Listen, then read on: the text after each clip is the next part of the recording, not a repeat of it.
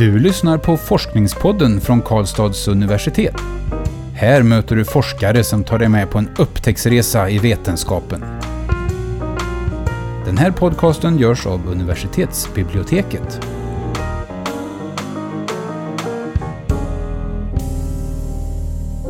Hej och välkomna till Forskningspodden med mig Nadja och dagens gäst Ann-Katrin Blomberg. Hej Ann-Katrin! Hej Nadja! Välkommen till studion och um, Ann-Katrin du är forskare i omvårdnad och har skrivit en avhandling där du har tittat på operationssjuksköterskans vårdande och kompetens inom perioperativ vård. Alltså det, det är mm. vård mm. före, under och efter patientens operation. Mm. Um, och du har även en bakgrund som sjuksköterska själv. Ja. Och jag gissar lite grann att det kan ha att göra med temat du valde i din avhandling, eller? Ja, jag har ju jobbat som operationssjuksköterska under lång, en lång yrkeserfarenhet. Och eh, det var väl många saker som jag funderade på under min verksamma tid. Sen har jag ju också då utbildat operationssköterskor här vid Karlstads universitet nu ett, eh, också en lång tid.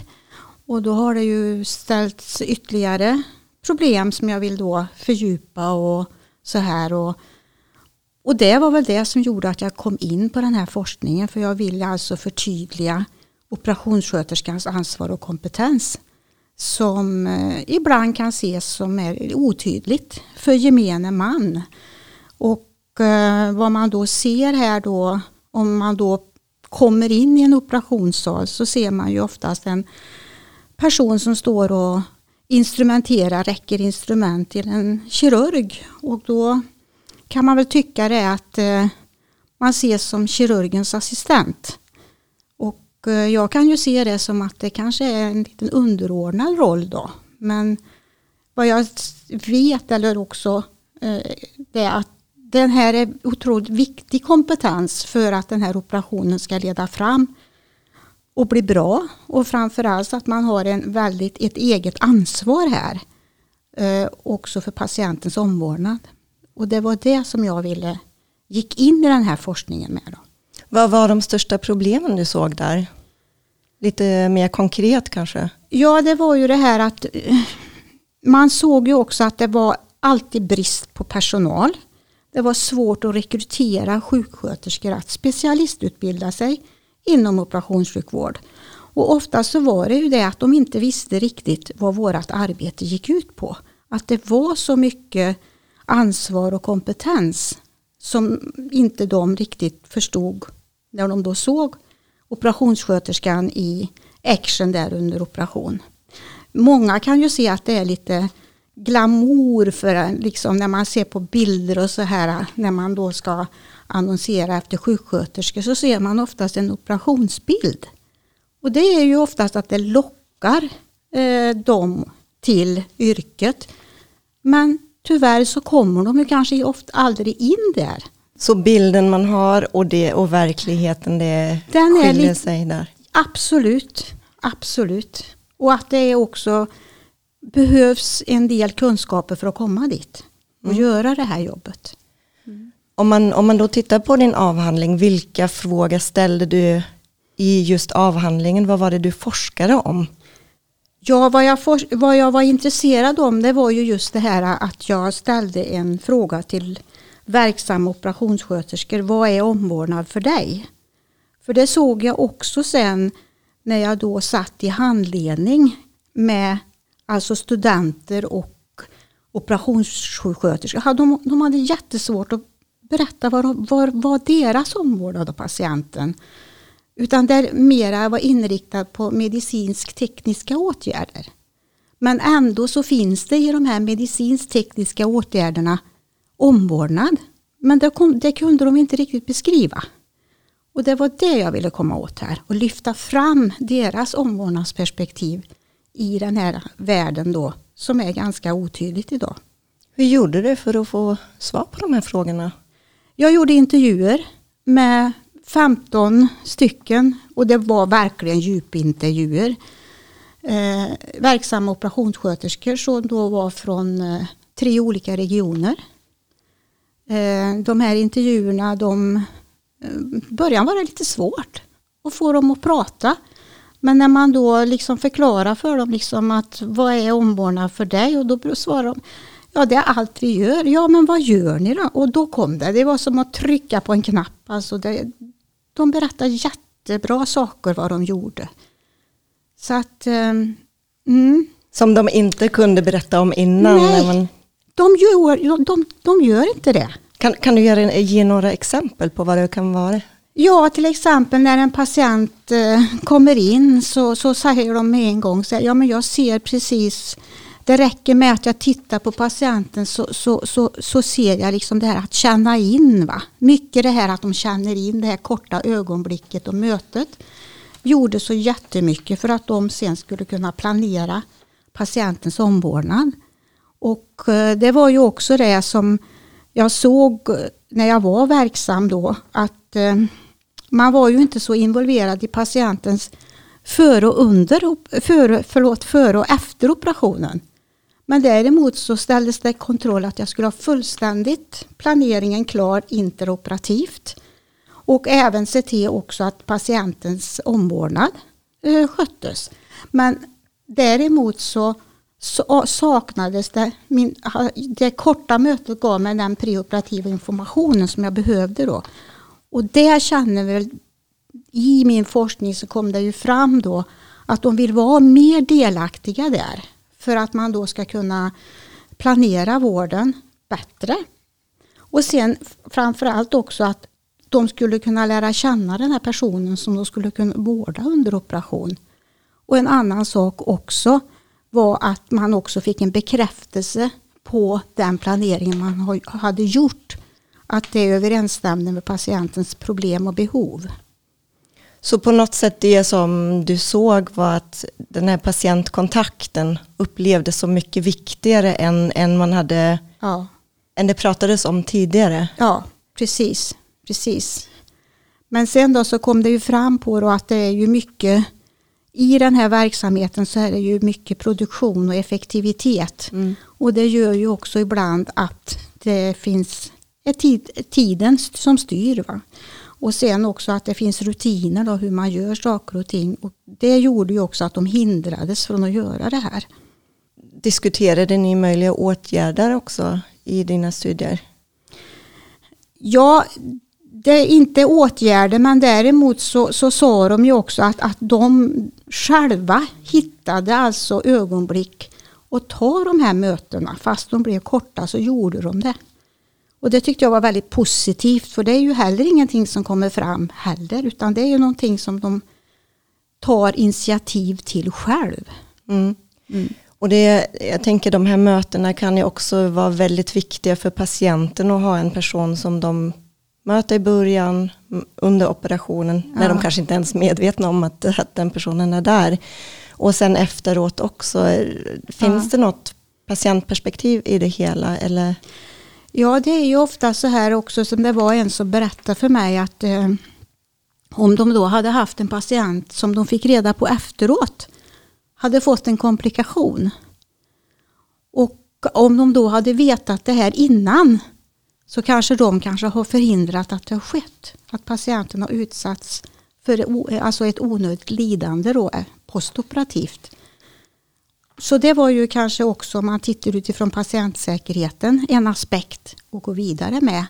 Att man har möjlighet kanske att träffas före och även att man har patienten under operation och sen också har möjlighet att utvärdera den här äh, tillsammans med patienten efteråt och se hur den mår.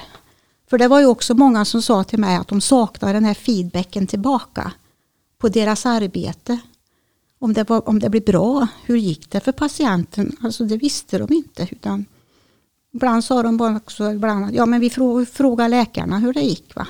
För ibland så står man ju på eh, operationer och, som är ganska eh, avancerade.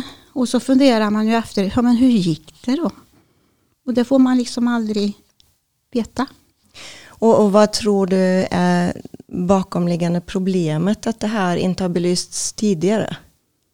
Är du den första som har tittat på det här? Eller det... är ju många som har lyft problematiken men inte gått vidare med det utan att när man då har, som man då gjorde innan jag gick in och läste artiklar och så, så stod det de flesta att alltså det är omvårdande vi måste gå vidare med och titta djupare på.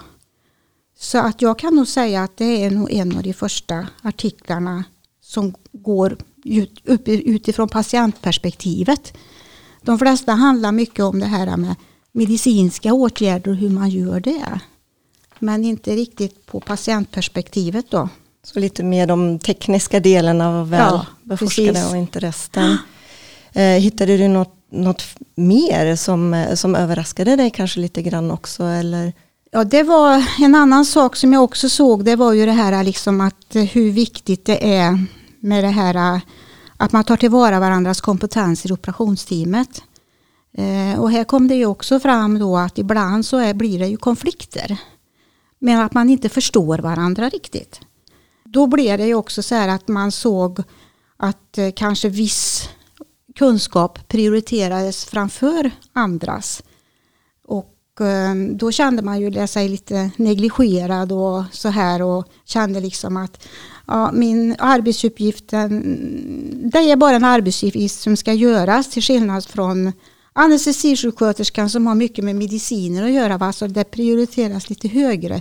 Medan operationssköterskan som ska förbereda och steriltvätta och sterildrapera, liksom, det var liksom mindre viktigt.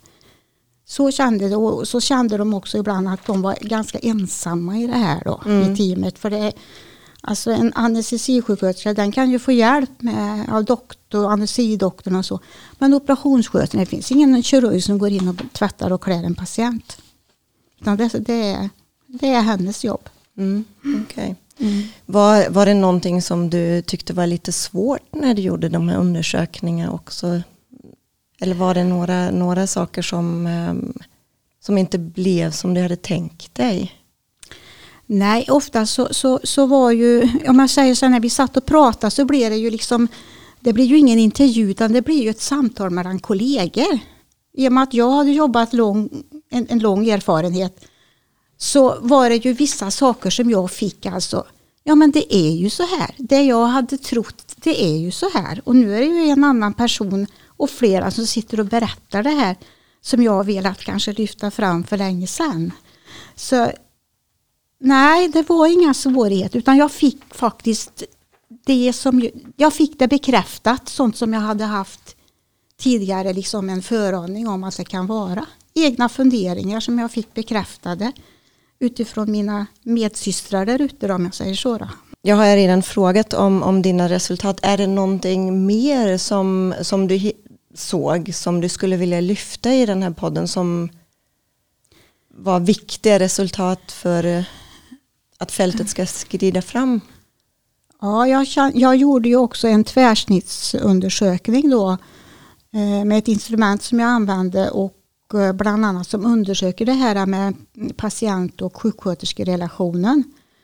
Eh, och där såg jag ju också då utifrån en parameter att akademisk examen har ju betydelse för utveckling av klinisk kompetens. En annan sak som också kom fram där som jag tror också är väldigt viktigt att lyfta inför verksamheten det är ju det interprofessionella lärandet att man också tillsammans kan lära av varandra i teamet. Oavsett och, vad man har för roll? Eller? Ja, mm. precis. Och sen också att man eh, där kan också då operationssköterskans eh, roll bli tydligare i, i planering av patientens vård. Och det var ju också någonting som de tyckte skulle vara, de sa själva att det, det skulle vara jättebra att uppdatera varandras kunskaper. Va? Det, det låter väldigt klokt. Det är, mm. eh, tror jag i många områden att Precis. det är relevant ja. eh, att tänka på det.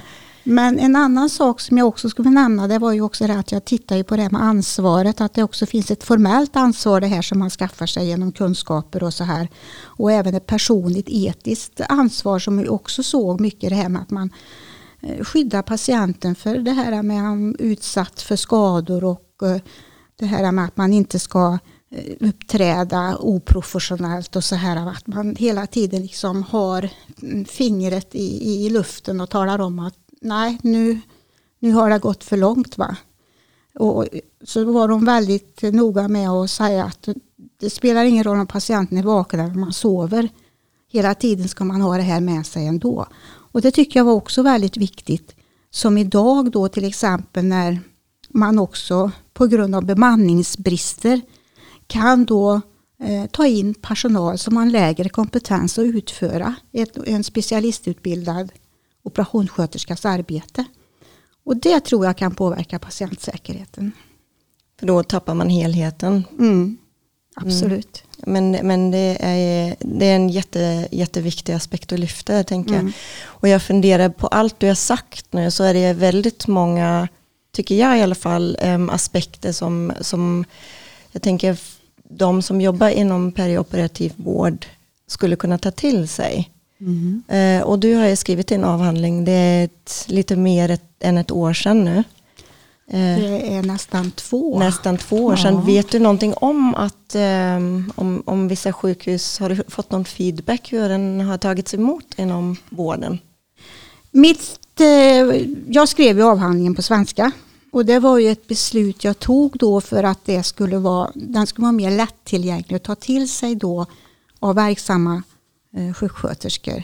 Och framförallt också för chefer tycker jag den här är viktig att läsa också.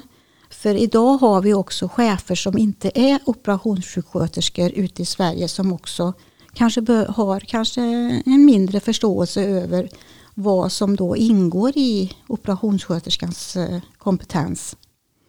Men, men du har inte hört hur folk har använt, eller om de har använt avhandlingen? Eller? Jag har ju inga avhandlingar kvar kan jag säga utan Ja, de men- gick ju åt som smör.